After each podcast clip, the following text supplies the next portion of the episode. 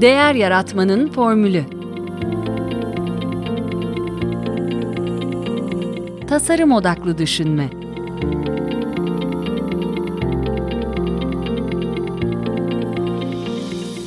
Merhaba, ben Mete Yurtsever. Değer Yaratmanın Formülü Podcast'ın ev sahibiyim. Kitap kulübümüzün 8. buluşmasında Peter Thiel'in Sıfırdan Biri adlı kitabını konuştuk. Yine her zaman olduğu gibi e, yaptığımız yorumların bir kısmına burada yer vermeye çalışacağım. Önce kitap hakkında birkaç not ileteyim. E, kitap 2014 yılında yayınlanmış ve yazarın e, 2012'de Stanford'da startuplar üzerine verdiği e, derslerin notlarından bir derleme.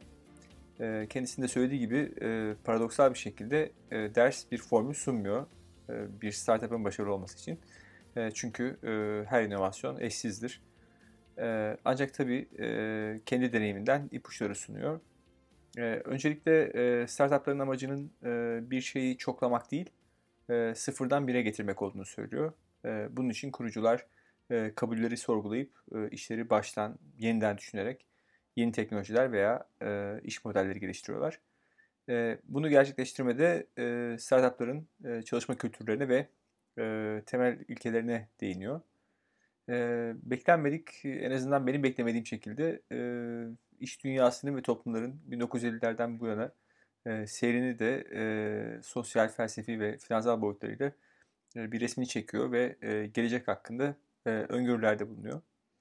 E, kulüp olarak biz bu kolay okunan kitabı tavsiye ediyoruz diyebilirim. E, katılımcılarımızın e, yorumlarına geçmeden önce iki talebim olacak sizden yine hatırlatıma diyelim. E, birincisi Apple Podcast'te benim için bir değerlendirme yapmanızı, e, beğeniniz ölçüsünde yıldız vermenizi rica edeceğim. E, algoritma böyle çalışıyor. Bu sayede e, podcast'i insanların ekranına düşürüyor.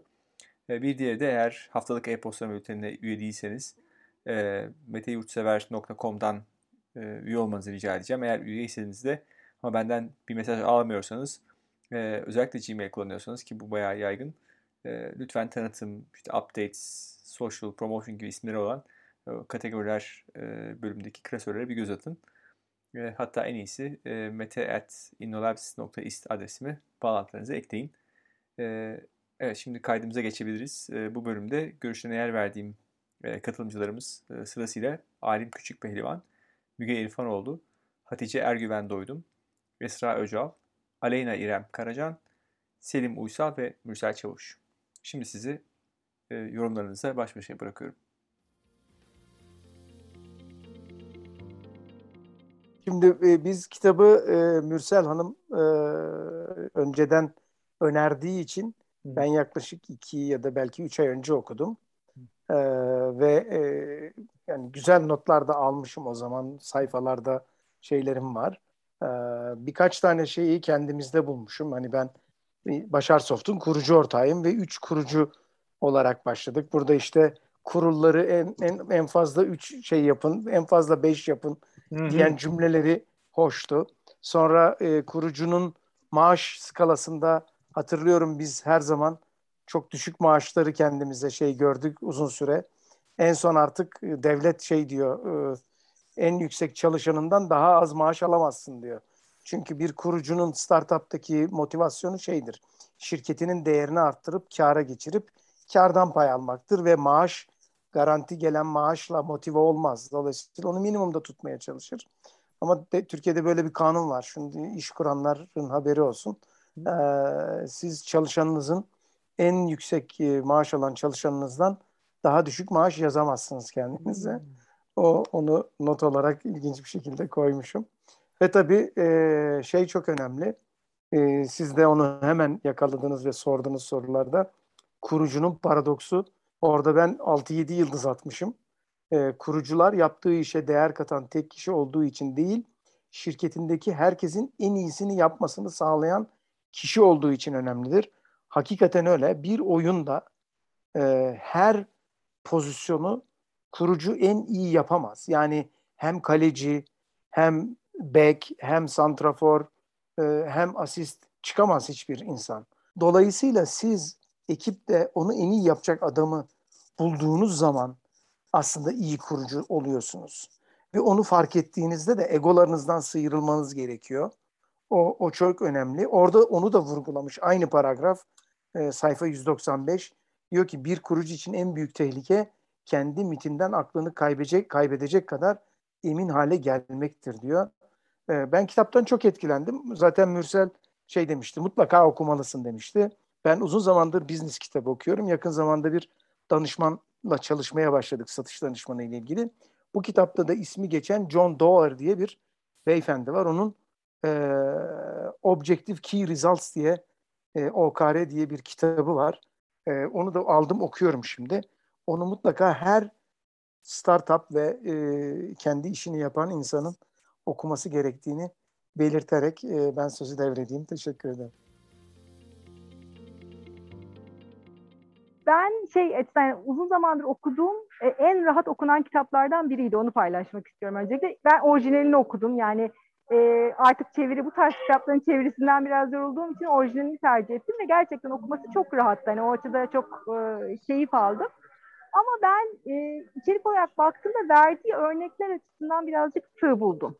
E, yani şöyle ki hep aynı firmalardan örnekler işte PayPal, e, Amazon, Google gibi çok büyük firmalardan örnekler. Hani daha önceki seanslarda okuduğumuz kitaplarda o kadar farklı sektörlerden, iş kollarından ya da hani sanattan, müzikten örnekler vardı ki o açıdan birazcık bana hani tatmin etmedi beni. E, bir onu söyleyebilirim. E, ama şey konusunda beni de mesela şey çok şaşırttı. E, monopoliye verdiği önem yani biz hep ben işletme mezunuyum. Hep okulda okuduğumuzda işte e, competition, işte şey rekabet çok iyidir. E, bunu ön plana çıkan mesela ekonomide vurgulanan mikroda makroda hep buydu. Yani buna çok farklı bir bakış açısı getir, getirmiş. O açıdan beni çok etkiledi. Bir ikinci noktası da beni şey konusunda çok etkiledi. Kitabın en başında bu 90'ların sonunun ekonomik tarihini çok güzel özetlediği bir kısım vardı. İşte e, şey krizleri, çeşitli krizleri dönemdiren kendi adıma açıkçası hem de bu gruptan da rica ederim. O dönem birazcık daha detaylı okumak istedim. Kitap önerisi olan varsa da çok sevinirim. Hani 90'ların sonu, 2000'lerin başı e, bu ekonomik o dönemlerde biz ben üniversitedeydim. Biraz akademik perspektiften okumuştuk ama orada daha toyduk diyeyim yani daha çok böyle yüzeysel bakmıştık. Belki şimdi geriye dönük hani o dönemleri birazcık daha farklı bir bakış açısıyla okuyabileceğim e, bir öneri olursa da bu gruptan çok sevinirim. Hani o açıdan da benim için çok keyifli. E, en azından başka bir kitaba doğru beni yönlendirdi ama genel olarak bence okuması keyifli bir kitaptı. E tabii yani biz bir startup'ın bünyesinde çalışmadığım için belki bazı şeyler bana çok şey yapmadı, çağrışım yapmadı ama genel olarak farklı ve şey e, değişik yaratıcı fikirleri vardı. E, o açıdan güzeldi. Bu arada çok ayrı bir anekdot anlatacağım. E, tesadüfen demin bir kitapçıdaydım, geziyordum. Bu e, daha önce bir, birinin önerdiği Brotopya kitabı vardı. Evet. Onu böyle e, şey yaparken, Aa, bu da varmış bakayım derken önüme çıkan kısım e, PayPal e, mafyası ile ilgiliydi. Çok eleştirel bir bölümü vardı. Çok güzel, hoş da bir tesadüf oldu. Yani PayPal mafyası esasında çok şey yani çok çok okuma fırsatım olmadı tabii kitapçıda şöyle bir göz attım ama hani şey e, daha farklı bir bakış açısıyla esasında şey bir yandan e, Peter Thiel takımın ne kadar iyi olduğunu anlatırken de orada esasında ekibin bir mafya gibi negatif, ne kadar negatif etkileyebileceğini de anlatıyordu. O açıdan da çok ilginç bir anekdot oldu bir 10-15 dakika kadar önce. Harika evet. Brotopya'yı Mürsel Hanım önermişti. Ben de aldım. Ee, daha ben de okuyamadım ama e, şey, edit, editörlüğünü yapmıştım kitabın. Aa, hemen gidip alıyorum ben şimdi. yani burada hani bir startup'tan bahsediyoruz. Hani startup kuranlar için zaten hani bu daha ben bir hiçbir startup'ta çalışmadım, bulunmadım da o duyguyu, hissi pek bilmiyorum ama hani tamamen kendi deneyimleri ve yaşa, yaşantısından anlattığı için aynı etrafta dönmesi de çok normal ama e, şey çok hoşuma gitti. Hani düşüncelerinde böyle çok fazla işte araştırma veya akademik e, şeylere atıfta bulunmak yerine bizzat çok net bir şekilde deneyimlerinden bahsediyor. E, ısınma turunda da hani şans mı çalışmak mı dediğinizle ilgili çok güzel bir paylaşım var e, sayfa 67'de. E, onu da paylaşmak istiyorum. Zafer her şeyi düzenli tutan insanları bekler, diğerleri buna şans der. Hakikaten buna katılıyorum. Evet şans faktörü var ama hani şansı da kendimiz bir şekilde elde ediyoruz. O açıdan e, biz hazır olduğumuzda ya da o yolda işte engelleri kaldırdığımızda istediğimiz doğrultuda gittiğimizde bir şekilde şans da evet yardım da edebiliyor. Bazen şanssızlık olsa bile gecikmeli olarak da yine istiyorsak gerçekten o anlamda da çalışmalar yapıyorsak bir şekilde oluyor diye düşünüyorum. Diğeri hani biraz kadercilik oluyor. E, ayrıca bir de tekerleşmeden bahsediyor. Benim onlar biraz ilgimi çekti. Hani tekerleşen sektörler hani nelere sahip oluyor? İşte teknolojiyi nasıl kullanıyor? Sadece teknoloji mi? İşte network etkisi de var burada. Kendi ölçek ekonomilerinden bahsediyor. Hani bunları da bir bütün olarak düşünüyor. Sadece yani işte network değil ya da sadece teknoloji değil bir yerde tekel olabilmek için. Bunun da öneminden bahsediyor. Ee, bir de e, bu hani biraz belki startuplar hani farklı aykırı kişilerden çıkmasından bahsediyor. Hani rutin olan kişilerden ya da e, kişilikleri, işte yaşantıları farklı olan kişiler belki startup'a yöneliyor. Çünkü belki de hani rutin düzene karşı da olduklarından ya da adapte olamadıklarından da olabilir. Hani bilemiyorum. Hani yeni kendi dünyalarını yaratıyorlar. Bu anlamda da hani benim e, ilgimi çekti. Şeye ne diyorsunuz? Yani sanki bütün e, geleceğin sadece e, şeylerde olduğu, startuplarda e, olduğuna dair bir kabulle şey her şeyi anlatıyor. Yani büyük şirketler bir şekilde bir şeyi değiştirmeyecekmiş gibi bir yani bir gelecek inşası konusunda. Yani bence bütün büyük şirketlerde hani bunu Borusan vesaire de yapıyor pek çok belki yurt dışında şirketlerde kendi içlerindeki startuplara hani fırsat tanıyorlar. İşte düşüncesi fikri olanlara küçük işte şirketler kurması ya da projelerde yer almasını. Yani evet bu fikir ve zihin bir şekilde hani çok e, klasikleşmiş kronik yapılar değişecek ama yine de kurumsal yapılarda kendi güçlerini startuplara katkı sağlayarak kullanacak diye düşünüyorum. Ben de e, bu seferki kitabı geçmiş iki kitaptan daha rahat okuduğumu söyleyebilirim. E, çok daha keyifliydi. Hatta bununla ilgili e, ben de başka bir not aldım. LinkedIn'de tanıştığım Hande Hanım'ın yakın zamanlı bir anketi vardı. Diyor ki iş kitaplarını okurken hangi kısımlar daha fazla ilginizi çekiyor? Ve orada yüzde elliye yakın olan bir grup ki bunun içinde eminim biz de varız. Gerçek hikayeler olduğunu söylemiş. Bence bu kitabın sürükleyici olmasındaki en önemli sebeplerden bir tanesi içinde barındırdığı gerçek hikayelerdi. Yani birebir olayı anlattığı, birebir yaşadıklarını anlattığı, deneyimlerini anlattığı şeylerdi. Ben kitabın en çok kurucunun paradoks kısmından etkilendim. Belki bulunduğum mevcut durum dolayısıyla ben de sıfırdan bire yükselmeye çalışanlardanım. Yeni bir girişimcilik şapkası taktım. Dolayısıyla oradaki insanlar neden böyle bir kuruculuğa girer, neden bir startup'a girer sorusunu ben kendi içimde soruyordum. Aslında doğruyu söylemek gerekirse e, insanlar kurumsal hayattan neden böyle zor, meşakkatli bir sürece geçer? Nerede sıkışır kalır da o dar boğazı e, böyle bir e, zorluk şapkası takarak tamamen çünkü şimdi çok uzun zaman kurumsalda çalışmış biri olarak söylüyorum. Kurumsal hayat çok kolaymış. Yani ayın birinde yatan maaş çok kolaymış. Ayın birinde yatmayan maaşı yaşamak zormuş. Dolayısıyla insanlar neden bu riski alır? Benim kafamdaki çok ciddi bir soruydu. E, bunu yaşayanların da e, benzer zorlukları geçirerek gördüm. E, en ünlü, en büyük şirketlerin bile bu dar boğazdan geçtiğini görüp paradoksları yaşadığını görmek benim açımdan keyifliydi ve öğreticiydi. Bu anlamda onun için bu tercih adına teşekkür ederim herkese. E, en ilgilendiğim alanlardan özellikle bu kurucunun paradoksu kısmında ve e, ülkenin yani dünyanın geleceği kısmında e, belki size de aynı soruyu sormak istiyorum. Çünkü ben okurken e, acaba onlar ne düşünecekler diye de kafamdan geçti. E, son zamanda bir sonuç var. Bilmiyorum ne kadar gördünüz. 30 yıl ötesinde net görüyorsunuz diye. Dünyada yinelenen bir çöküş dalgası, bir sinüsoidal e, e, eğri mi görüyorsunuz? Yoksa bir düzlüğe mi ereceğiz? Yoksa neslimiz mi tükenecek? Yoksa e, gerçekten bir aydınlanma mı yaşayacağız? Uzak Doğu felsefesiyle bir kalkış mı yaşayacağız? Bu dört şıktan hangisini görüyorsunuz diye ben de küçük bir anket yapmayı öneriyorum kendi aramızda.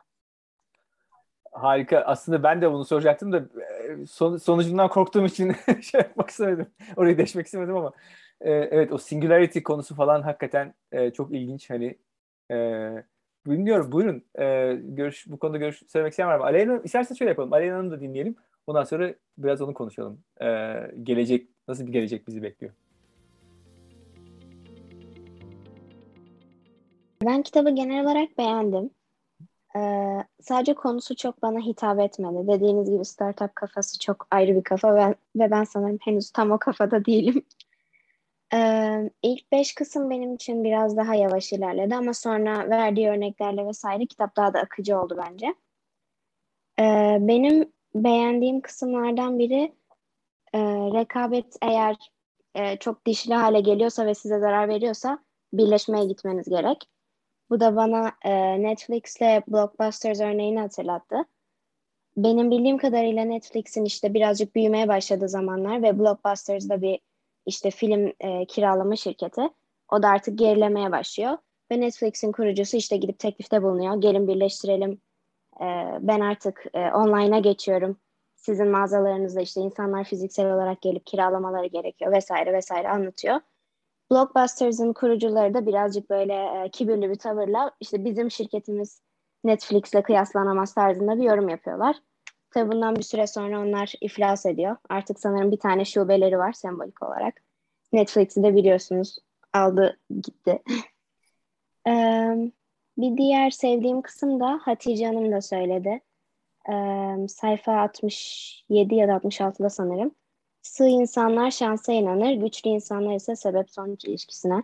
Bunu işaretledim ben de. Sanırım en sevdiğim cümle bu oldu. Ee, bir diğer ilk kez duyduğum şey de Pareto prensibi. 80 ile 20 kuralı. Bunu biraz daha inceleyeceğim. Ee, işte İtalya'da yaşayan insanların %20'si İtalya topraklarının %80'ine sahip.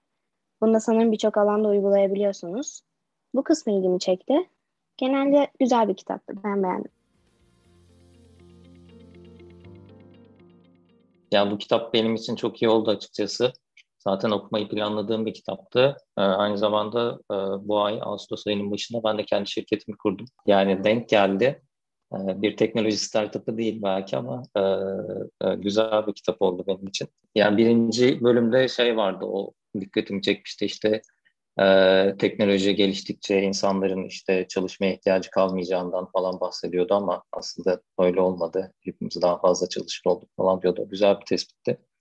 Yine şansla ilgili daha önce söylenene ek olarak şeyden bahsediyordu. Herkes aslında aynı oranda şanslıdır. Eğer daha çok çalışırsan ve daha akıllıca çalışırsan work hard and smarter diyordu. O zaman e, aslında şanslı oluyorsun diyordu. Ya bunun dışında aslında biraz şey de hani yaptığın işi do, de domine etmelisin, monopoli etme, monopoli olmalısın gibi çok hani e, belki hepimizin katılmayacağı ya da hani illa böyle mi yapmalıyız diye düşündüğüm birkaç yer vardı.